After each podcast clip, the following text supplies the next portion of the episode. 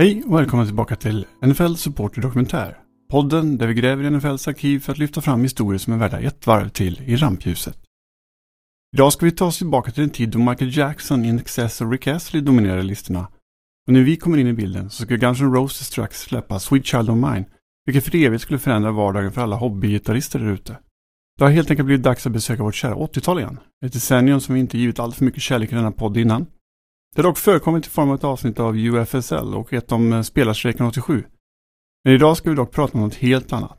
Och vi ska faktiskt inte ens be oss över Atlanten denna gång. Nej, idag gräver vi där vi står, i Göteborg, och funderar på hur det kommer sig att NFL tog sig ända till lilla Sverige i slutet av 80-talet. Throws right.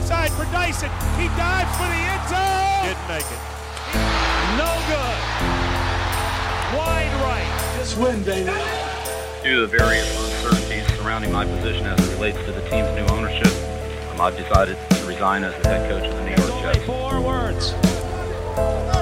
This one's for John.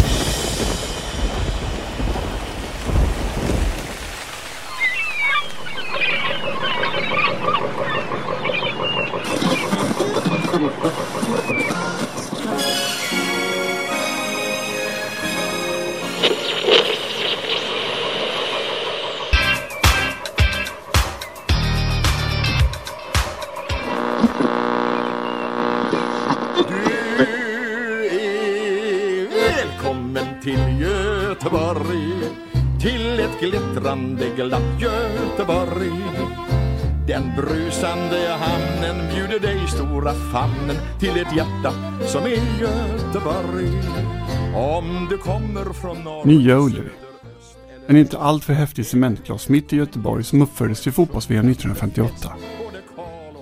Idag används arenan för både idrott och konserter men när vi kommer in i historien i augusti 1988 är det mestadels idrott på tapeten eftersom Bruce Springsteen tre år tidigare bokstavligen hoppat sönder arenan och gjort den otjänlig för rockkonserter under många år framöver.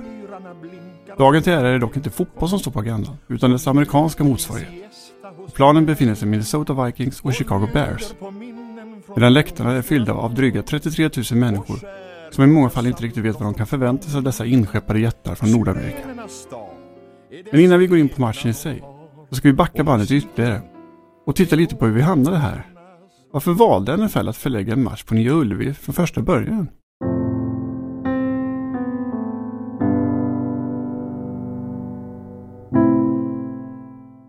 Idag spelas det kontinuerligt matcher utanför Nordamerika och fler lär det säkert bli framigenom. Bland annat är ju ryktet om ett lag i London konstant i omlopp i NFL-kretsar. På 80-talet var dock situationen en helt annan och matcher utanför Nordamerika hörde inte till vanligheterna. London hade dock stått värd för fyra matcher under 80-talet. Och innan dess hade NFL även gjort avstickare till Mexiko och Japan under 70-talet. Men Sverige? Hur kommer det sig att vi hamnade här? I ett litet land som knappt visste hur sporten spelas. Ja, svaret stavas Volvo. Biltillverkaren från Göteborg som var sponsor av den här träningsmatchen i amerikansk fotboll.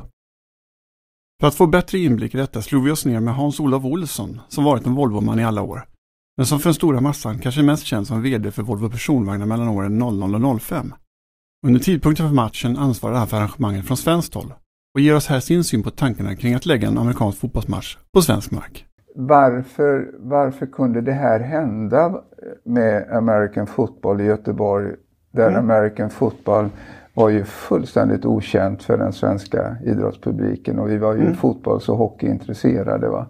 Men det kommer nog ur att eh, göra någonting annorlunda men att också vidga vyerna för Volvo-människorna och för allmänheten att det finns annat än ishockey och, eh, och, och, och fotboll. Va?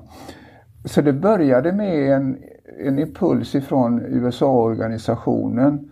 Vad jag kommer ihåg, han, som var kommunikationschef där ute var Thomas Eriksson och vi hade mycket bra relationer med varandra. Va? Och, Men jag har ju varit i ma- marknadsföring och, försäljning var jag då på olika sätt, va? globalt och lokalt. Men jag hade ju också haft USA under mina vingar.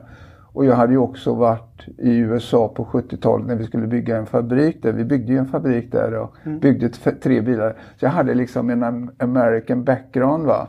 Så att, eh, och jag kände det att det var många som frågade mig den första gången jag bodde i USA. Hur är det i USA? Va? Och då sa jag ja. Så jag, vad, vad menar du? sa jag. Vad vill jag reda på? För du vet, jag har ju bara varit på östkusten och jag har ju bara bott i Virginia. Va? För att, så jag kan inte säga, förstår du, för att det heter ju United States of America. Va? Mm. Och det som förenar dem det är språket och dollarn. Va? Mm. Men i övrigt så, så, så skiljer sig Amerika åt från syd, nord, väst och öst om man tar de delarna. Så att få perspektivet på USA, va, det, då, eh, det, det, det går liksom inte i en grej för det är så olika på väst och öst och alltihopa det här.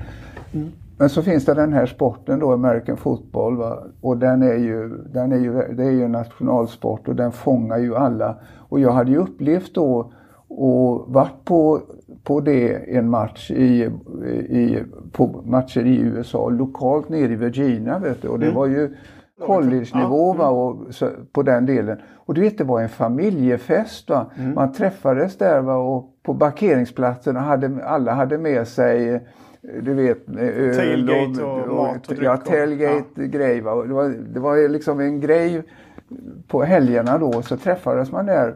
Och sen när man väl hade ätit och druckit och var mätt och belåten så gick man in i stadion då så började matchen liksom. Och, och det var ju väldigt, väldigt osvenskt alltså. Men det var ju också så väldigt amerikanskt va. Och, eh, och det hade ju inte bara med Virginia att göra utan det hade ju, så var det ju både öst och väst och nord och syd och så vidare. Så där tändes väl en grej då, vad är Amerika egentligen? Och, och sen var ju intresset då i, i Volvo-organisationen sådär va. Men det är ju alltid så när du kommer med någonting annorlunda va. Så, så du, får, du får liksom inte, då får du bara fråga dig, tror du på det här eller inte? Och jag trodde på det. Och vi var några som verkligen tyckte att det här, och, att, och, och också att vi hade väldigt fin respons mellan Volvo-organisation, ja, min, min organisation eller Volvo här i Göteborg och sen Nordamerika. Va? Så, att, eh, så tillsammans så, så, så började vi att, att använda oss av våra nätverk. De första stapplande stegen mot en NFL-match på svensk mark togs i april 1987 genom Jan Nordström från Carlson Travel Group i Minneapolis och ställde frågan till NFL om det fanns möjlighet att förlägga en match på svensk mark. NFL, som precis hade sjösatt en internationell serie matcher under namnet American Bowls, var självfallet nyfikna men lät också meddela att ett arrangemang av detta slag också kräver att det finns ekonomiska muskler bakom. Således stod Thomas Eriksson som var Director of Corporate Affairs inom Volvos nordamerikanska organisation över förhandlingarna och i juni 1987 skrevs handlingarna under där Volvo gick in som sponsor för arrangemanget. Förutom ett bolag som stod för den ekonomiska garantin så fick NFL även en partner som var högt aktad och som under de senaste 10-15 åren hade gjort sig ett namn inom sponsring av idrott och event. Något som NFLs administrativa chef Joe Ryan i en intervju med New York Times lyfte fram som minst lika viktiga som den ekonomiska garantin i arrangemanget. Organisationen runt omkring de här lagen, det var ju sådana partners vi ville ha som vi var vana vid. Va? Ifrån Volvos sida när jag tänker på alla de andra sportgrejerna vi har gjort va? så var det ju rakt igenom bara proffsigt. Men vi var också vana vid att vi har startat tennisen, vi har startat golfen, vi har varit med på hästhoppning. Och sen tog vi över då eh, från Whitbread då seglingen. Va? Så den har vi ju inte själva men vi gjorde den ju sen då till en Volvo Ocean Race. Va? Men det vi ser här är egentligen, ni, ni, det är själva evenemangen ni sponsrar. Det är sällan individer eller? Inga individer. Vi har, Utan- vi, har, vi har sponsrat en individ och det var under min tid i Japan och det var Stefan Edberg. Ja. Han var över på en turnering och det är enda gången som vi har, vi har absolut inte, vi, vi sponsrade sporten, sponsrade inte individer. Va? Ofta rör det sig så sagt om idrotter som vi svenskar är mer vana att följa, såsom segling, golf, tennis och hästsport. Man undvek medvetet att sponsra enskilda idrottare, bland annat eftersom deras rykte och framgång lätt kunde få sin rejäl törn med en skandal av något slag.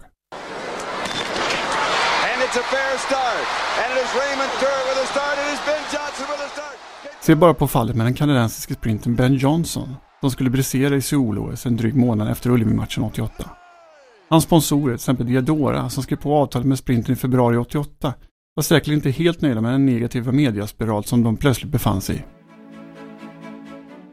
Och idrott var inte heller den enda typ av event som Volvo gav sig in på. På hemmaplan i Göteborg gav man sig 1983 till exempel in som sponsor av Göteborgssymfonikerna. Ett tilltag som inte direkt gick obemärkt förbi i kulturkretsar. Näringslivets pengar var visserligen välkomna och behövliga, men samtidigt höjdes röster kring kulturens integritet och att man genom att acceptera näringslivets pengar sålt ut sin själ. Satsningen på Konserthuset ingick som en del i en övergripande vision om att sätta Göteborg på kartan. En vision som Göteborgs kommunpolitiker och Volvo, då ledda av den profilstarka VDn PG Gyllenhammar, tillsammans arbetat fram. Under flera år i början på 80-talet genomfördes bland annat rockkonserter fram till dess att arenan som sagt var en hårsmån från att kollapsa under Springsteens besök 1985. Stora arrangemang likt dessa lade dock grunden för en slags upplevelsekultur som samhället inte skådat innan och som drog in stora pengar för alla medverkande parter. Inte bara för de som medverkar på arenan utan hotell, restauranger, affärer, ja hela staden. Även om staden numera hade en viss vana av att arrangera större evenemang var detta något speciellt och i en helt annan skala. För att lära sig mer hade man besök av NFL man åkte även över till London för att se hur ett arrangemang kunde gå till där. Det fick man ju ta del av då när, jag var, när vi var och tittade på eh, matcherna på Wembley då i London. Vet mm. Vilken logistik det var va? och vilken organisation det var. Va? Mm. Så att för, för oss var det ju då en fråga om hur klarar vi det, hur möter vi det? Där var ju Phil Sifferman, eh, alltså en guldgruva, va? han var ju amerikan va? Mm. och en, en durkdriven så att säga, event manager. Va? Och, mm. Så han kunde ju spelet och han, och han och, och, han hade ju fördelen av att vara amerikan. Va? Han kunde ju amerikana liksom, så att det var inga kulturkrockar där. Va? Utan vi mm. hade ju, jag hade ju Phil där som och sen hade vi den amerikanska organisationen också. Så att det gick väldigt smidigt i vår relation mm. fastän vi var så långt ifrån varandra. För vi, vi, vi fångades av unikiteten. Va? Och, eh, och vi märkte ju också då att för eh, federationen ja, för, var, var ju spännande att komma till den här lilla orten och eh, vill ni? Ja. Och, och de kände ju lite också, ja det här är kanske lite promotion för oss också då. Va? Och, mm. Phil Sifferman som omnämns här var alltså en man inom Volvo-organisationen som tillsammans med Hans-Olof drev eventet från den svenska sidan. Tack vare att han var amerikan samt att Volvos Nordamerikaorganisation fanns med i arrangemanget så flöt arbetet med NFL på väl utan några större kulturkrockar. Vidare kräver ett arrangemang av detta slag självfallet en hög grad av volontärer som hjälper till. Något som Volvo sökte upp och fann bland några av de amerikanska fotbollsklubbarna som grundats runt om i Sverige under tidigt 80-tal. Sporten var visserligen ung men hade fått en hel del mediatid, bland annat genom att utländska skolor såsom Bethany College hade kommit hit och spelat. Och genom att man under tidig sommar 1988 hade spelat en All-Star-match mellan Sverige och USA. Det blåste således medvind kring idrotten i Sverige, vilket gjorde att Ullevi-matchen låg tämligen rätt i tiden, även i den aspekten. Um, och då i vilket fall så var det planerat att vi skulle möta ett amerikanskt All-Star-lag. Och då så var det ganska mycket täckning i både Svenska Dagbladet och Dagens Nyheter om den här matchen som vi skulle göra. Så att det var på det viset och via BNL, om det är bekant, Jerry Bergström, en reklamguru som också hade Volvo tror jag som kund. Mm. Och det var därigenom kontakterna togs, tror jag, att de hade läst i Svenskan och Dagens Nyheter att det fanns någonting och då så ringde de upp förbundet, en kille som heter Christer Sköld tror jag det var som var förbundssekreterare då. Och så hänvisade han dem till mig. Det där var Carl Magnus Nilsson som var en av dessa volontärer som hjälpte till under veckan i Göteborg. De behövde ju svenska medarbetares eh, engagemang eh, från våran sida eh, för eh, alla handa uppgifter. Så mm. att många av spelarna i de svenska föreningarna ställde upp frivilligt. Mm. Och var allt från eh, guider och eh, framförallt guida eh, de amerikanska spelarna och deras familjer runt omkring Göteborg. Det var ju mest Göteborgslagen där. Så att jag var med i delar av det. Det var svårt att befinna sig överallt därför att de ville ha någon som kunde någonting om fotboll nära Opalen där presscentret låg mm. i Göteborg. Som Carl Magnus berättade var det inte bara hans klubb som involverades utan även dess västsvenska kollegor som blev kontaktade för matchen i fråga. En av eldsjälarna här i Göteborg, Peter Salström, berättade bland annat när vi bytte några ord kring detta om hur han blev kontaktad av Volvo för att man ville ha några fotbollsspelare som stod uppradade i samband med en presskonferens kring Ullevi-matchen. Då Peter ändå jobbade på Volvo kom man överens om att låna ut honom från sin ordinarie avdelning till Ullevi-projektet, vilket således ledde fram till att han jobbade med matchen på heltid. Bland annat genom att föra kontakter med lagen och se till att deras behov blev uppfyllda när de kom till staden. Rekryteringen av dessa volontärer från klubbledningen var smidig på många sätt. Rent generellt var dessa alltså personer som var genuint positiva till evenemanget genom sitt intresse för sporten. Men framförallt var det personer som hade en kunskap om sporten och förståelse för jobbet som behövde göras. Något som till exempel kom väl till pass när Ullevi skulle vara anpassat för att husera en amerikansk fotbollsmatch. Bland annat var det det här med att få fram de speciella målstolparna som användes i sporten. Du ska tänka dig att 82, 83, 84 så var det mestadels hockeyskydd och shorts. Och det var, eh, det var allehanda skador som var på den tiden. Och då när vi började beställa utrustningar så var det naturligt att vi, jag var också den kontaktpersonen mot amerikanerna vad det gäller allsköns utrustning. Det var blockingslädar, det var dummies, det var hjälmar, det var skydd, allt möjligt som, som hör till. Och då hade jag fått väldigt god kontakt eh, med de amerikanska leverantörerna. Och i det här med målstolparna så var det då att ingen nämnd, ingen glömd eh, hade ju en viss typ av attityd mot oss svenskar. Och det var faktiskt även svenskar som hade den attityden mot oss. Som tyckte att ja, du, vi har koll på läget, va? du vill inte bry dig om det där. Men jag förstod ju ganska fort att du packar inte in amerikanska fotbollsmål hur som helst i en jumbo. Det är för det är precis det du behöver. Va? Jag menar, goosenecken ser ut som den gör. Den, ja. den kan du inte plocka in i en vanlig container. Så då hade jag redan innan då på våren sett till att gardera mig lite grann eh, och beställa mål från National Goalpost Company som det hette. För att, för att använda för er verksamhet uppe i Stockholm? Ja, då, för vår verksamhet, precis, ja. mm. precis. Men då var det också snacket i det här för att man konverterade nämligen eh, för vi spelade då med NCAA collegeregler på mm. den tiden, rakt av. Och då så var ju den crossbaren 7 meter medan proffsens var ju 5. Mm. Och det här ändrades 91. Det, var liksom, det gurglades i college-sammanhang att man ändå skulle gå från den bredare crossbaren, alltså ribban, till mm. den smalare för att få det mer uniformt eh, i USA. Mm. Så då tänkte jag, vad fasen, då beställer vi väl en av varje då. Det är väl inte mer med det. Och då så, i den här kontakten med National Goalpost Company, så, eh, och de här görs ju på beställning. Det här är ingenting som lagervara. Liksom. Ehm, så när de, ehm, när de då väl kontaktade mig och jag visste, då i vilket fall så, så, så visste jag att skeppkostnaden skulle i princip överstiga målstolparnas kostnad. Vi pratade ju att vi hade väldigt begränsad ekonomi på den här tiden. Så då tänkte jag att eh, när de kontaktade då eh, lite halvpanik, hörde, kan vi få eh, låna era målstolpar för vi kommer inte hinna få hit några. Ja, det ska väl kunna gå bra, sa jag. Jag har ju faktiskt ett par som ligger och väntar i USA så att om ni bara pröjsar frakten så kan ni få låna dem om ni känner kör upp dem till, till Danderyd sen, till vår hemmaplan. Jajamän, sa de. Så, men de förstod nog inte riktigt när de tog emot räkningen på vad den flygfrakten kostade. Eh, men ja, och sen köra på lastbil, enskild lastbil från Göteborg upp till Stockhagens IP. Ja, vi får väl hoppas att det där var en så kallad win-win situation för alla parter. Men med stolparna på plats så var det egentligen helt enkelt dags för match.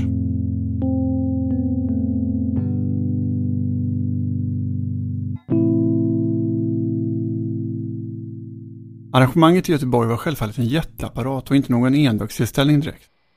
Nej, de amerikanska lagen var här i ungefär en vecka och satte sina spår vart det än gick. Chicago Bears var först in och anlände redan på måndagen den 8 augusti 1988 med flyg direkt från Chicago. Sex bussar tog sedan truppen direkt till Park Avenue Hotel mitt på Göteborgs paradgata. Motståndarna Minnesota Vikings dök upp först under tisdagen och inkvarterades på Sheraton Hotel vid Drottningtorget. Alldeles i närheten av centralstationen i Göteborg. Valet av lag var självfallet ingen slump utan Chicago var bland annat där i egenskap av att man var vänort med Göteborg. Ett avtal som precis tecknats mellan städerna året innan. Vidare firade svenskbygderna New Sweden 350 år detta år, vilket hade skapat mycket uppmärksamhet i USA.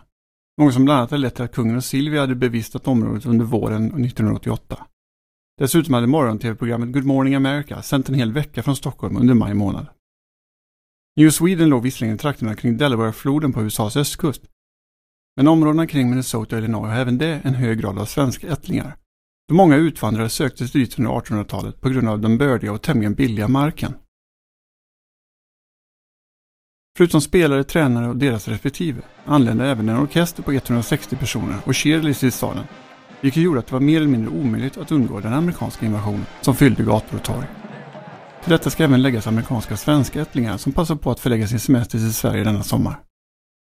Ja, gator och torg fylldes av folk och av schemat att döma för denna veckan så var det alltid något i görningen. Centralpunkten för allt var Heden i Göteborg, ett stenkast från Ullevi. där grillarna knappt hann svalna mellan barbecuekvällarna. Mat är för övrigt ett återkommande tema när jag har pratat med folk inför den här podden. Sen är det många roliga anekdoter om de här biffarna, va? hur mycket mm. de åt. Va? Så det var, ju, det var ju en logistik i sig. Va? Det var ju inte ett kilo bananer. Va? Det var ju hundratals kilo. Och hotellen liksom, ju, när, de, när, när de började förbereda vet du, och de fick reda på hur mycket bananer de skulle mm. ha, för det var den stora grejen. Och hur mycket mat de skulle ha. Va? Och de hade ju med sig sina egna kockar och grejer. Va? Mm. Men det var ju, ja, det var ju anhörd av. Alltså.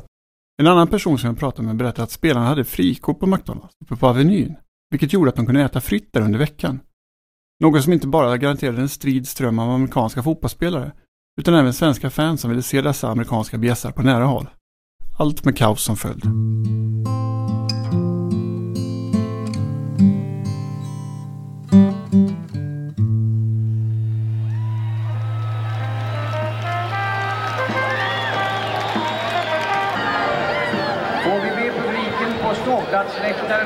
Att samla sig närmare mitten. Ladies and gentlemen, let us welcome the starting offensive team for the Chicago Bears.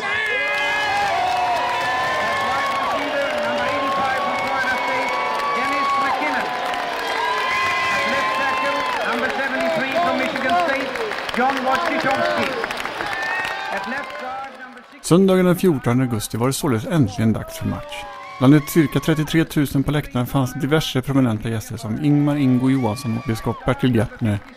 Och i speakerbåset, som många av er kanske redan noterat från ljudklippet i bakgrunden här, återfanns ingen mindre än mannen som blivit synonymt med nyheter från Amerika. Självaste Arne Thorén. Göteborgaren som efter tiden på radio återvänt hem till Göteborgs-Posten och tjänade som dess chefredaktör. Innan yrket återigen tog honom ut i världen, till just Chicago där han verkade som generalkonsul. Vid tiden för vår match var han dock Sveriges ambassadör i Bagdad.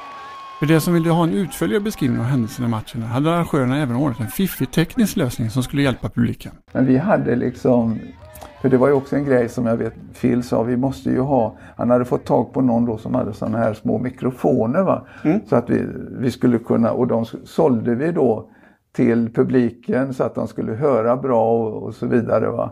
Men de där var ju inte bra, vet du. det var ju ingen teknik som var sådär. Va? Men det, var det typ hörsnäckor som publiken ja, kunde höra? Så ja, man kunde höra, vad hörde de, kommentator eller, ja, vad, eller vad var det? Ja, ja, det var okay. Men det, du vet på Ullevi och det var, det var det, det, det, det, var ju mer då för att den som var intresserad att de skulle förstå när domaren vad det var, vad, vad, man vad, som, hände, vad, som, liksom. vad som hände, vad som var bra och vad som inte och så vidare. Va? Publiken på Ullevi hade alltså möjligheten att följa med matchen genom en speciell speaker som utförligt förklarade vad som hände i spelet.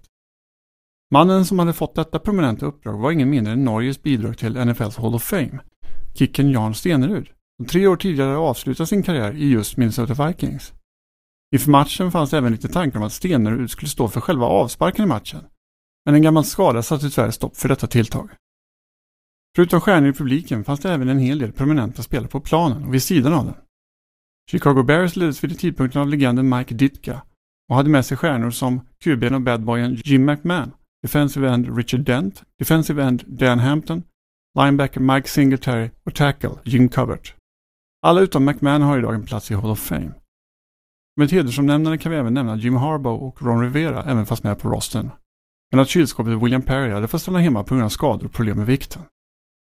För NFL-fans var det säkert även lite tråkigt att legenden Walter Payton hade lagt av året innan och tyvärr inte var med vid tillfället.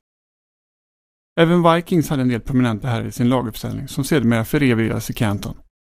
Tackle Gary Zimmerman, Guard Randall McDaniel samt Defensive End Chris Dolman. Laget leddes av Jerry Burns, som hade tagit över efter Buddy Grant året innan. Burns var dock redan en stor Vikings-legend efter att ha tjänat som lagets OC sedan 1968, då han kom över från Lombardis Packers. I övrigt kunde man även i ledarstaben finna en ung, eller ja, yngre Pete Carroll.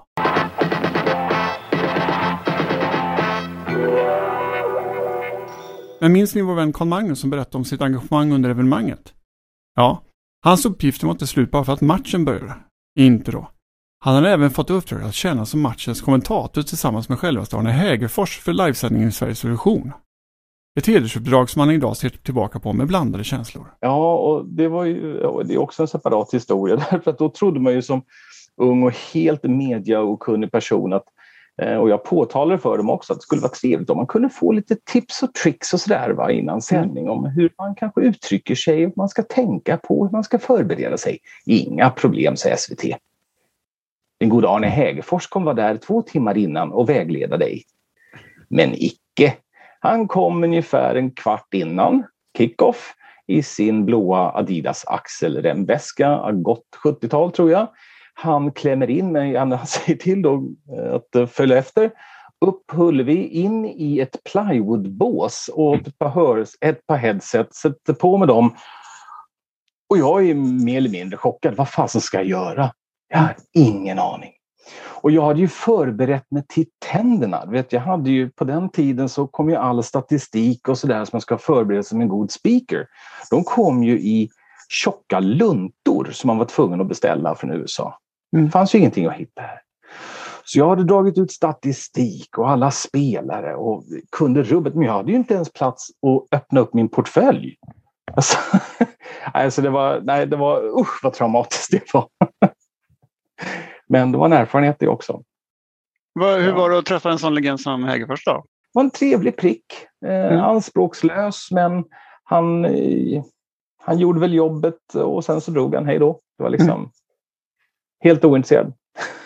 Fick du, någon, fick du något intryck? Liksom, hade, han, hade han läst på eller hade han koll på ämnet? Nej, inte, nej, nej, nej. Jag tror det första han säger, och jag tror inte sändningen börjar förrän Eh, efter kickoff tror jag faktiskt, för de hann inte med där riktigt. Ja, eh, Hägerfors och ljud och sådär var inte med. Och det första han säger tror jag, ja och där kastar man den päronformade bollen. I beg your pardon? Päronformad? Nej, det var det nog inte. Eh, så jag, jag, ja, Nej, jag var um, rätt ställd kan jag säga i det ögonblicket. För er som vill höra och se lite hur det lät från matchen så ska vi försöka dela med oss lite YouTube-länkar i beskrivningen till detta avsnitt. Av det lilla jag sett så tycker jag ändå både Arne och Karl-Magnus kom undan med heder i behåll. En liten intressant notis kring materialet är dock att SVT inte hade orkat förklara det här med yards, utan helt enkelt översatte det till meter i den svenska sändningen. Det vill säga andra försöket och två meter. Men nu när vi ändå har en sån prominent herre som Karl-Magnus med oss här, då är det en självklara fråga ändå. Hur var själva matchen? Ja, vi som kan lite grann om sporten, mm. det, visst var det, det var ah, blaha liksom. Mm. Men, men för mig så var det fantastiskt kul att eh, få, få träffa i förbifarten de två stora idolerna som jag, idolerna, men de som verkligen är imponerade av. Det var ju Dan Hampton och Mike Singletary. Och sen Chris Dolman givetvis från Vikings. Så det var, nej, det, det var härligt. Det var, det var kul. Precis som träningsmatchen i NFL brukar vara, så var kanske inte matchen på Ullevi toppklass rent sportmässigt. Det var ju trots allt två lag som försökte hitta sin form inför stundande säsong. Personligen tror jag dock att de flesta på plats var ganska nöjda ändå. Den här kvällen handlade trots allt inte om att Minnesota Vikings besegrade Chicago Bears med 28-21, utan att de 33 000 på läktarna fått se en ny sport och ett grandiost evenemang som aldrig hade skådats på svensk mark innan. Så när Arne Hägerfors framåt skymningen summerade matchen var det således en nöjd publik på Ullevi som vandrade hemåt i sommarnatten. Och nu är matchen slut. Innebär alltså att Minnesota Vikings har vunnit i den här andra försäsongsmatchen för bägge lagens del.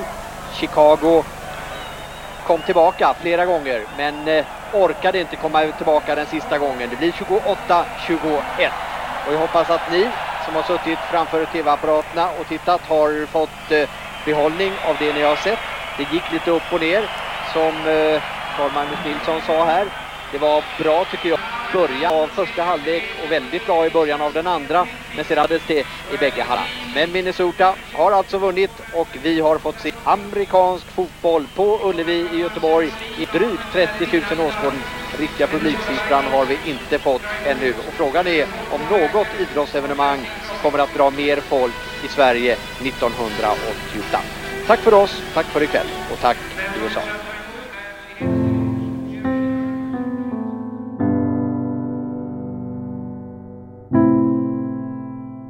Dagen efter så lyfte två Boeing 747 med destination USA från Landvetter i Göteborg. Allt var över och hur summerar man egentligen något sånt här? Ja, i media var man synnerligen kluven. Var detta kul? Var det någonting som var här för att stanna? Ulf Jansson i GT var inte särdeles upplupen och satte rubriken Fotbollspesten på sin artikel och konstaterade att det var obegripligt våldsamt och inget för honom. Per Yng i GP var dock aningen mer positiv men valde att bejaka den inhemska kulturen ändå. Dock erkänner han att veckan hade varit ett roligt spektakel som satte färg på staden och konstaterar att den allsvenska fotbollen onekligen har mycket att lära sig av sina amerikanska kollegor när det kommer till arrangemang. Var är showen? Var den stora frågan han ställde till allsvenskan efter detta. På det hela taget kan man säga att svensk media var extremt polariserad vid den här tidpunkten och att synpunkterna i media spretade åt alla håll och kanter. Det var polariserat. Det var de som verkligen förstod att det här var en perfekt kombination eh, alltså med, med barmarkshockey så att säga. Att det var en, ytterligare en, en eh, lagsport fast kanske man vi kunde spela den i Europa på vår, sommar, höst. Mm. Och såg det som ett, ett kul och nytt tillskott. Och så hade ju vissa som såg det som något imperialistiskt skräpskultur som kommer in. Och, eh, så det var verkligen eh, både och. Men, men jag, jag, mitt minne av det, det är att det var mestadels positivt. Men oavsett medias syn på det hela så kan man ställa sig frågan hur arrangemanget påverkade sporten i Sverige. Blev det ett uppsving? Det var ett väldigt ståhej, det var det ju. Uh, och när man, när man är mitt inne i händelsernas centrum så kanske lite svårt att se det från ett utifrån perspektiv. Mm, mm. Uh, men det skrevs väldigt mycket om det. Det hände väldigt mycket runt om i landet, väldigt mycket förfrågningar angående att få kurser, um, att uh, hur startar vi föreningar? Um, så 89 där, jag skickade det i vår medlemsbroschyr. Ja. Mm. ja Eh, och där, såg, där small det ju till ordentligt. Och mm. Vi var jättestolta över den lilla broschyren som vi skickade ut. Så, så gav definitivt en boost, men i ärlighetens namn så tror jag att det var många saker som samföll. Det var dels Bethany College, det var dels Sverige-USA-matchen, det var dels eh, Chicago Bears, eh, Minnesota Vikings. Mm. Eh, men det var också att TV3 då började och det var ju P.A. Gulle, en, en person, man kan ju ha mycket synpunkter på honom, men han gav ju också sporten en rejäl knuff framåt i Sverige under den här tidsperioden. Slutligen var det trots allt ett evenemang som någonstans i beräkningen skulle sälja fler Volvo-bilar. Men vad fick Volvo ut av detta? Var det verkligen värt det? Ja, ja, ja, ja. Oh, mm. ja. Det, var ju en, det kostade oss absolut ingenting. Och du vet när vi kommer in på de grejerna och när jag kommer in på de här diskussionerna med hotellen. Vet mm. du, då var Västsvenska handelskammaren inte så där jätteaktiva. Det, mm. De var inte kommersiella vet du. Nej. Men du vet när man började prata om gästnätter och när man började prata om alla människor som en hel vecka vet du. Mm. Och jag vet inte om någon har gjort någon utvärdering, alltså vad det innebar för stan. Va? Men du vet, det var ju alltså hundratals miljoner va, som Ja, alltså de som, här eventen som, driver ja, ju för, ja. pengar för hela stan på ett sätt som... För, för, om, du, om du tänker då på en sån här konsert då med, med ehm, och när Bruce Springsteen var här, och de konserterna är legendariska. Va? Men då tror jag man pratar om miljardbelopp alltså. Mm. Och det kan jag säga att den här veckan i, de, ja, i, de, i dagens pengar så var vi säkert en uppåt dem mm. totalt sett. Och för Volvo kostar det inte en krona egentligen. Eller eh, gjorde inte det? Va? Ja, Volvo gick visserligen in som garant i projektet med 2,5 miljoner dollar. Men när biljettintäkter och andra inkomster var avräknade så kostade evenemanget för Volvos del någonstans mellan 2 till 400 000 dollar. Åtminstone om vi får tro New York Times som satte sig ner och summerar allt efteråt. Siffror som ändå får anses vara fick pengar i sammanhanget. Träningsmatchen på Ullevi var onekligen en framgång på alla plan. Volvo fick en enorm exponering av sitt varumärke för en i sammanhanget ringa summa. Den amerikanska fotbollen i sig fick en stor exponering som byggde på det fina momentum som sporten hade i Sverige redan. Vidare var det även en succé för staden Göteborg som hade lärt sig än mer om att arrangera stora evenemang och som kunde bygga vidare på sin satsning med att sätta staden på kartan. Slutligen kan man inte undgå att fundera på om vi kommer få se något sånt här igen. Redan direkt efter matchen 1988 fanns det visserligen tankar på att göra om konceptet igen men med tiden dök det upp andra europeiska städer som till exempel Berlin, som då kunde locka amerikanerna med ännu större marknad. Idag pratas det mycket om att sätta ett lag i London på permanent basis. Personligen hade jag hellre sett att internationella matcher blev en del av varje lags schema. Varför inte göra så att lagen förlägger en grundseriematch var på internationell mark? Då skulle man kunna visa upp sporten på alla möjliga orter. Och med lite tur kanske vi återigen kunde få se en internationell match på svensk mark igen. Om inte i Göteborg så kanske i Malmö eller Stockholm. Ja, vi får helt enkelt leva på hoppet där kanske.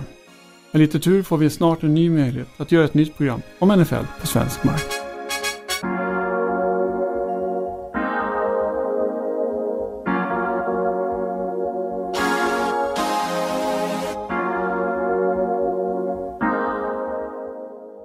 Ja, det var alltså historien om när eh, NFL kom till Sverige.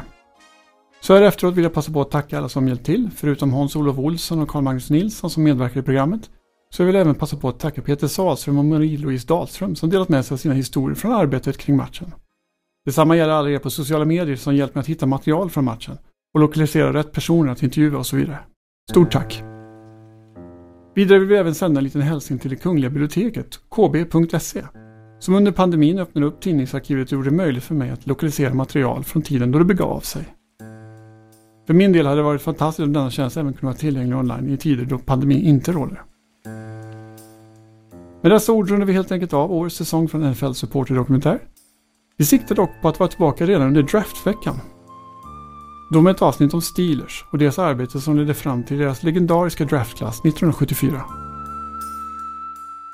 Jag som gjort det här programmet heter Per Foglin och mig når ni via mail info.nflsupporter.se info.nflsupporter.se Alternativt via Twitter. Där hittar ni mig under 1